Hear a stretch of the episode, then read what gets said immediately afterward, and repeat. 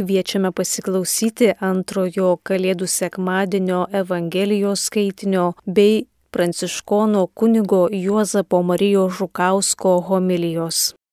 Pasiklausykite Šventojios Evangelijos pagal Joną. Pradžioje buvo žodis. Ta žodis buvo pas Dievą ir žodis buvo Dievas. Jis pradžioje buvo pas Dievą.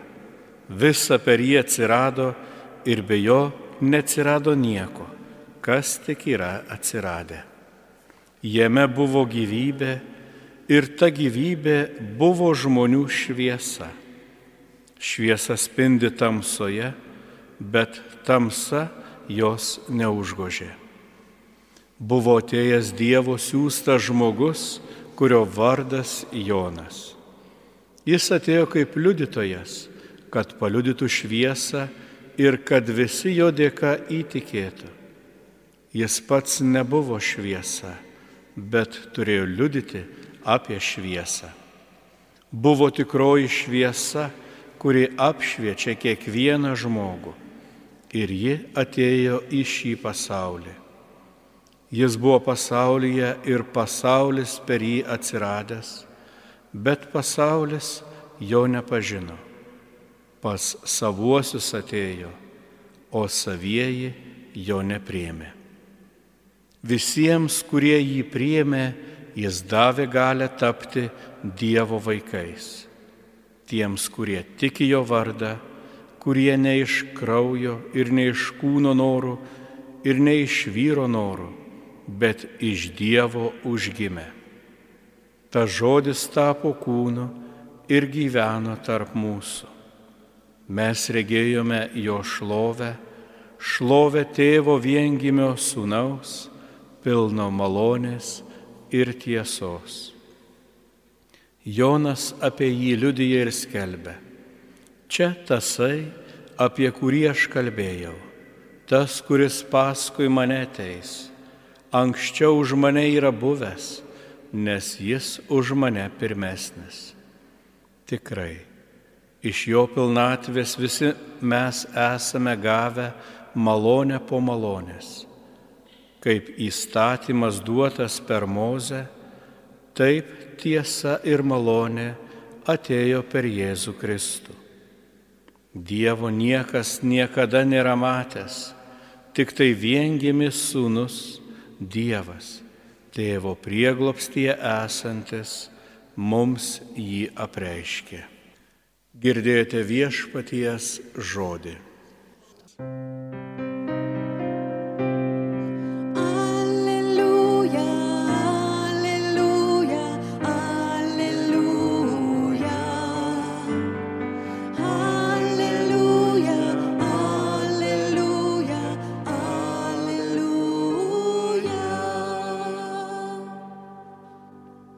Prašom įsitaisykite patogiai, nes viešpats šiandien nori mus pripildyti, pripildyti savosios drąsos ir duoti jėgų žengti į šiuos naujuosius metus. Ir šiandien šventasis raštas pripildytas tokiais raktiniais žodžiais, kurie mums padeda atskleisti šiandienos Dievo žodžio prasmes. Evangelijoje įstringa keletas žodžių. Tai visų pirma pats žodis, žodis, kuris ateina ir tampa kūnu, taigi kūnas, tas žodis, kuris kalba apie įsikūnymą, apie buvimą, apie esatį šiame pasaulyje taip pat mums prieš pastatoma ir supriešinama šviesa ir tamsa.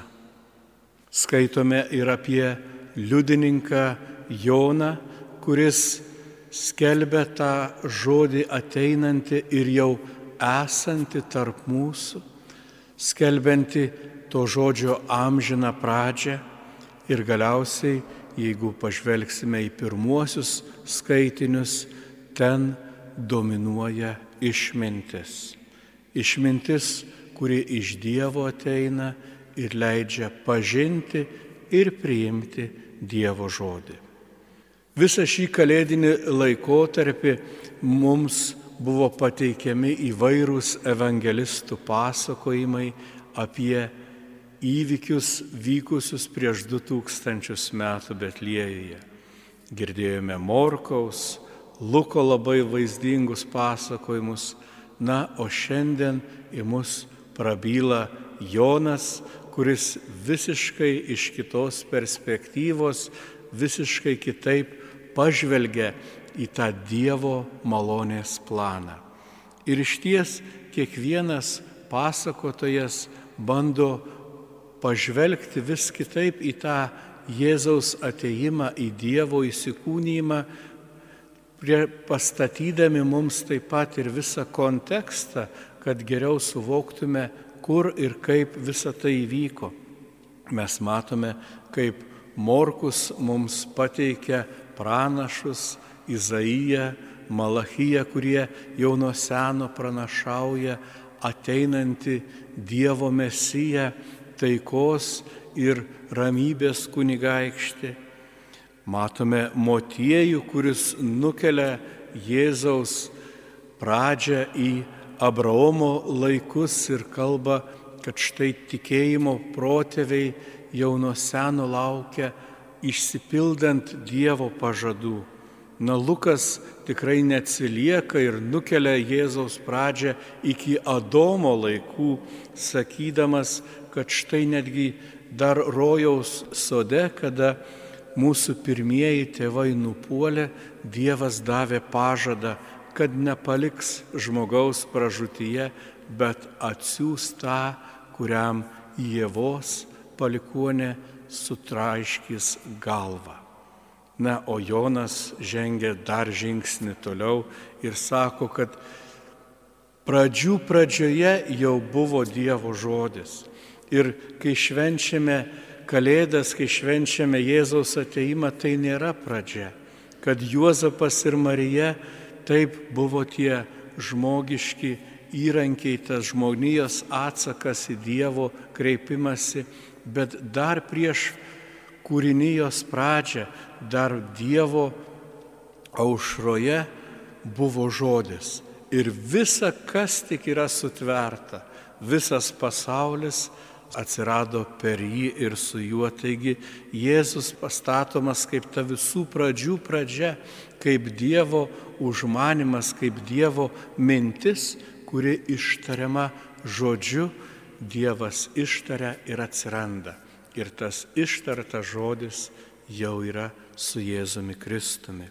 Ir Jonas bando suvokti tą Dievo įsiveržimą į būti į pasaulį kaip šviesos ir tamsos kovą ir sako, šviesa ateina į pasaulį ir išsklaido tamsybės.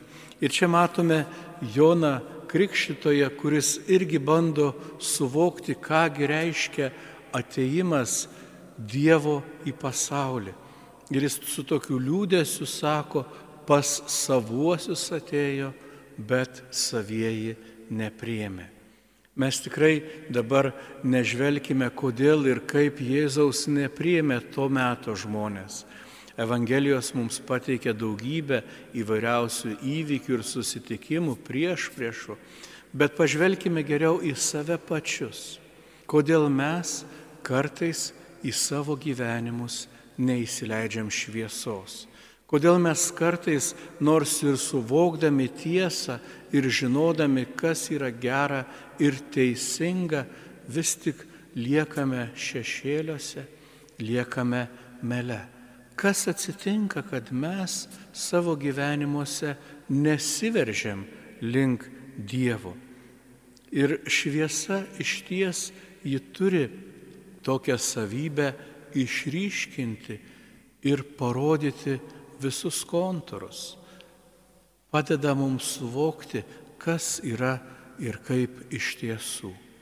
Ir šis laikmetis, galima sakyti, ta pandemija, tas mūsų užsidarimas vienas nuo kito ir atsistojimas atstu vienas nuo kito gali šiek tiek mums padėti suvokti tą žmonijos situaciją tarpusavio santykiuose ir santykiuose su Dievu.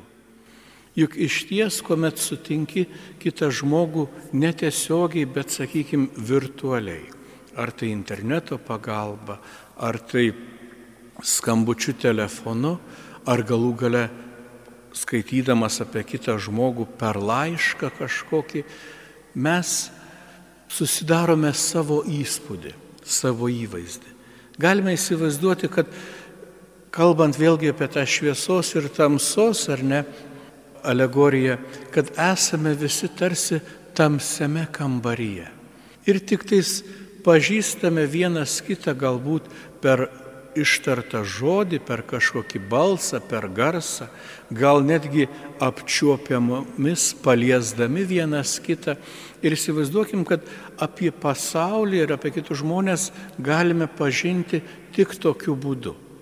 Ir aišku, nusipaišome tam tikrą paveikslą apie tamsoje esančius daiktus, apie žmonės, susidarome įspūdį iš to, kaip jie šneka, kaip mums skamba jų balsas, patinka ar nepatinka, apie daiktus nusprendžiame jie švelnus ar aštrus, galbūt per kvapus kažkaip pažįstame pasaulį.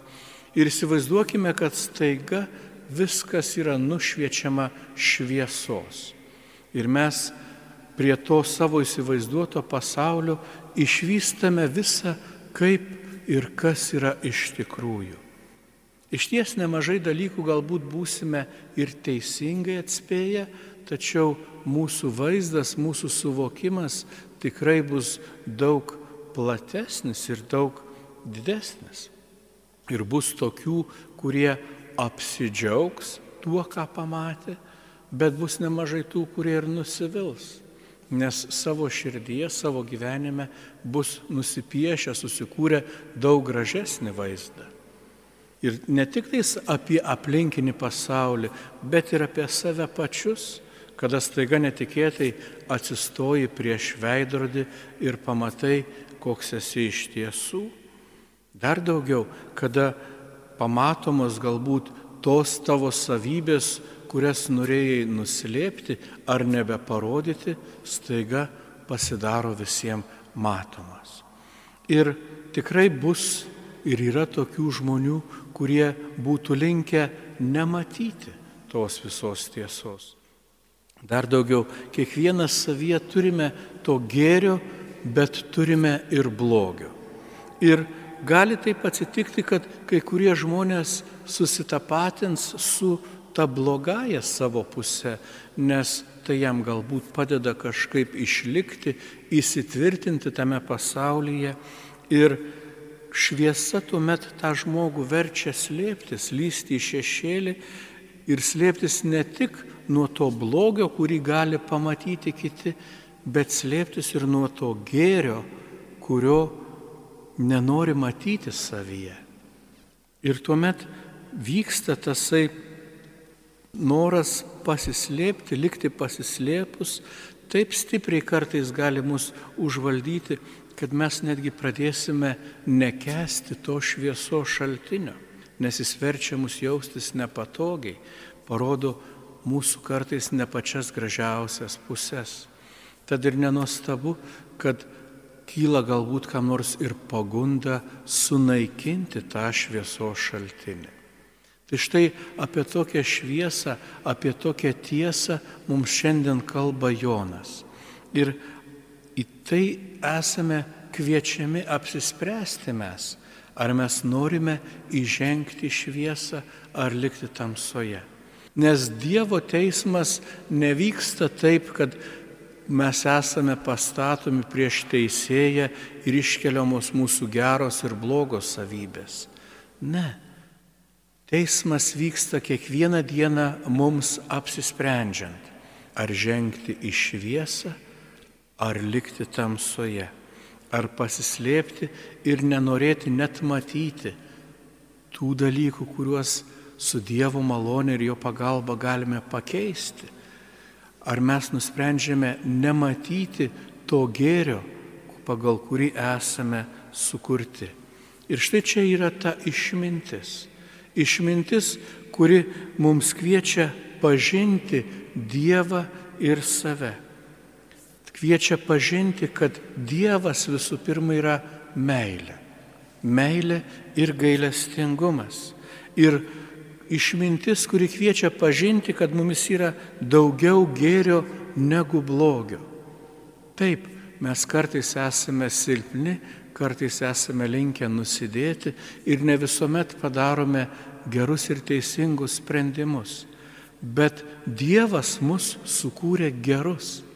Dievas mus sukūrė amžinybei ir mes turime savyje tą gėrio pradą. Ir jeigu išdrysime žengti į šviesą ir išdrysime pripažinti tiesą apie save, tuomet mes galėsime aukti. Aukti, kol ta Dievo šviesa ims spindėti mūsų gyvenimuose.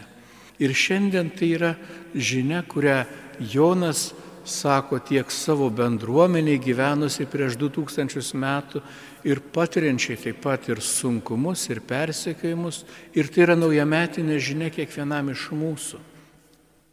Kad šviesa spindi tamsoje ir tamsa jos nenugalės kad esame pakviesti į gyvenimo pilnatvį ir džiaugsmą. Ir tikrai norisi dar kartą šiandien perskaityti tą nuostabę Pauliaus žinę, kurią randame jo laiške Efeziečiams.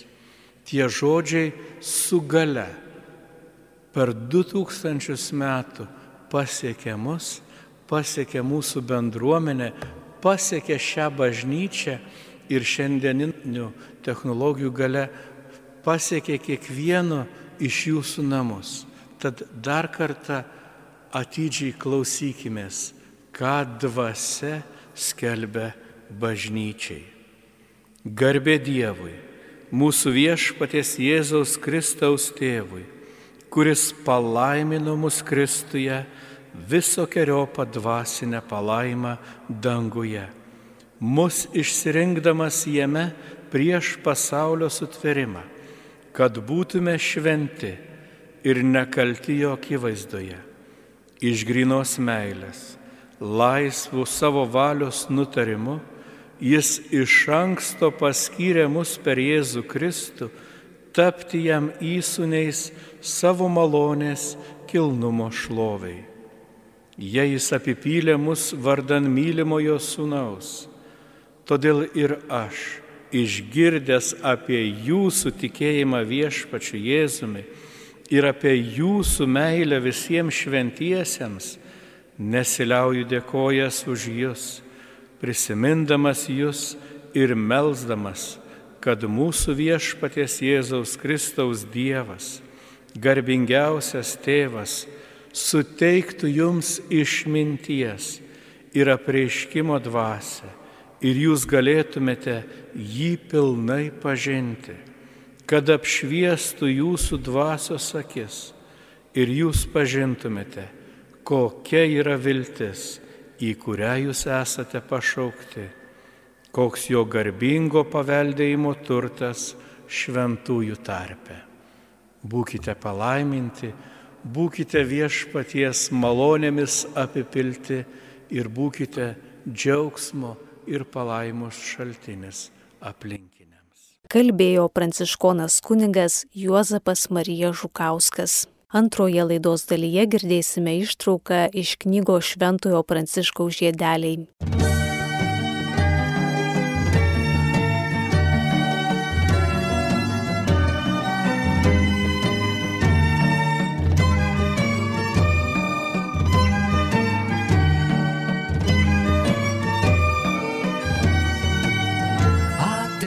Šventojo Pranciškaus žiedeliai. Knygą išleido Tito Alba leidikla 2009 metais. Skaito savanorė Loreta Lenčiauskinė. Si laudato mio Signore con le tue creature, specialmente frate sole la sua luce, tu ci illumini di lui, che bellezza e splendore d'altissimo Signore porta il segno. kaip brolis Jokūbas iš Masos regėjo visus mažesniuosius viso pasaulio brolius. Brolis Jokūbas iš Masos, kuriam Dievas atvėrė savo paslapčių vartus ir suteikė tobulą šventojo rašto išmanimą ir ateities numatymo dovaną, buvo toks šventas, kad brolis Egidijus iš Asyžiaus ir brolis Morkus iš Montino sakydavo apie jį.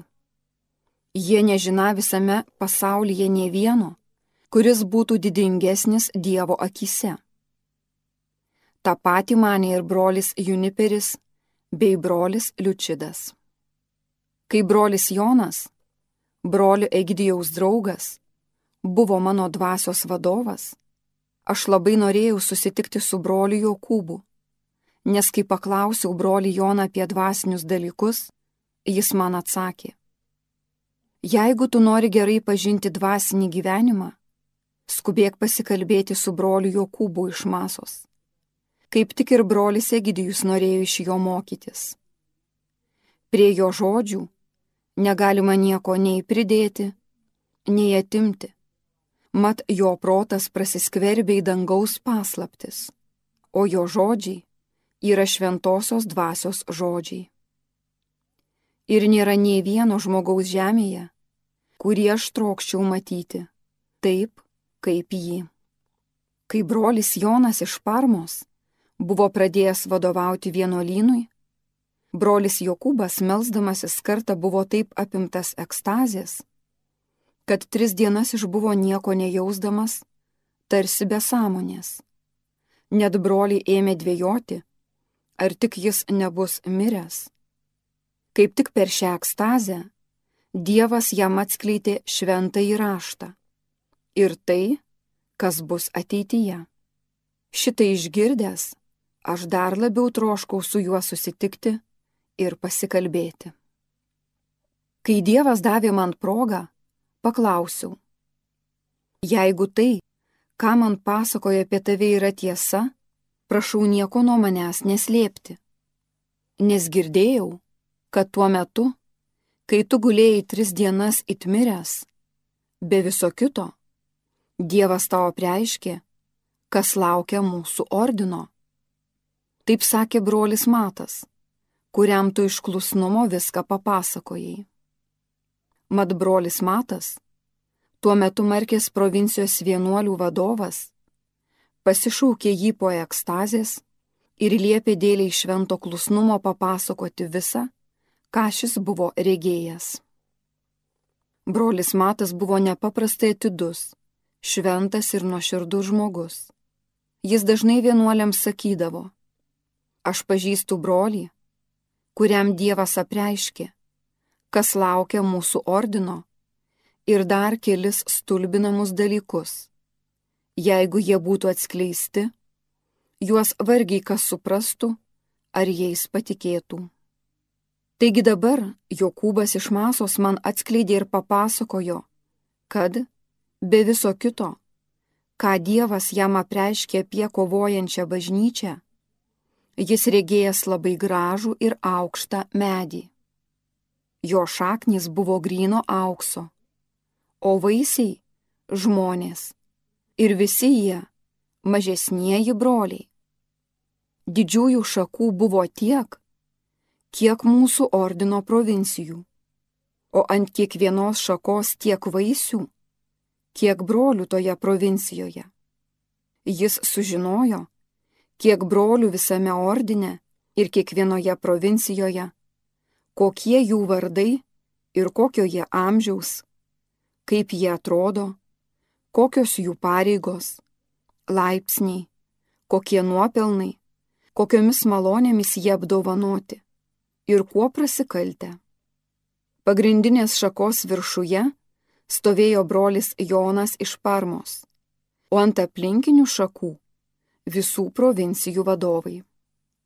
Paskui jis pamatė Kristų, sėdinti didžiuliame baltame soste.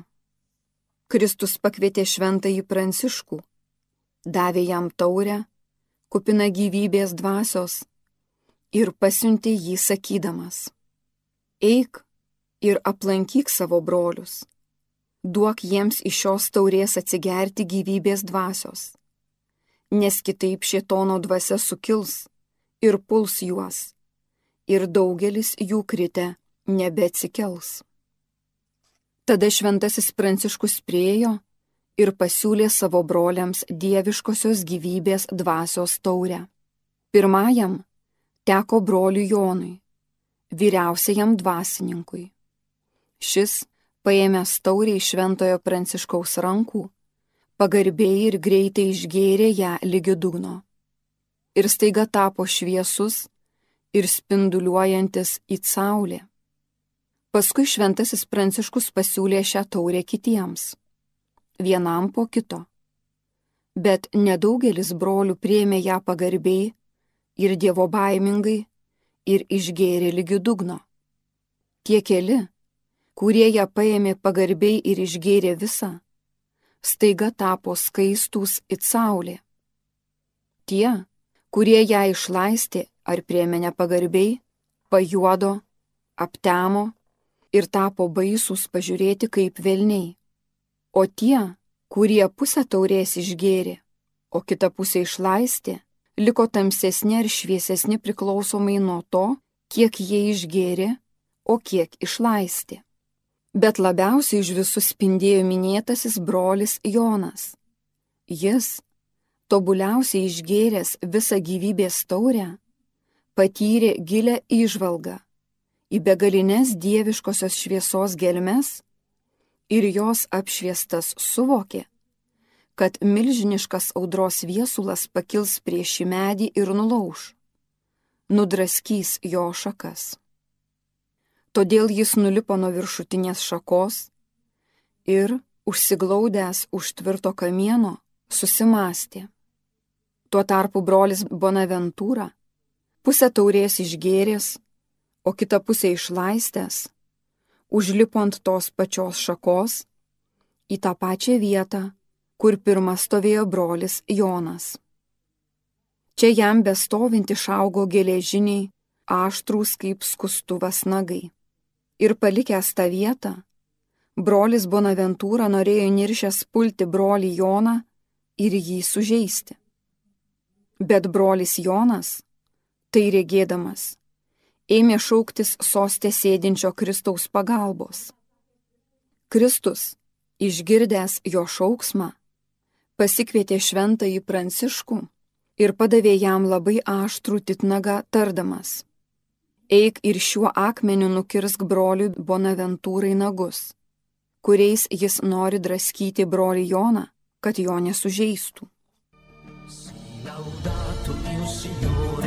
Per sorella nostra acqua, è casta molto utile e preziosa. Si laudato per frate fuoco che ci illumina la notte. Ed è bello, giocondo e robusto e forte Girdėjote ištrauką iš knygos Šventojo Pranciškaus žiedeliai. Skaitė savanorė Loreta Lenčiauskinė.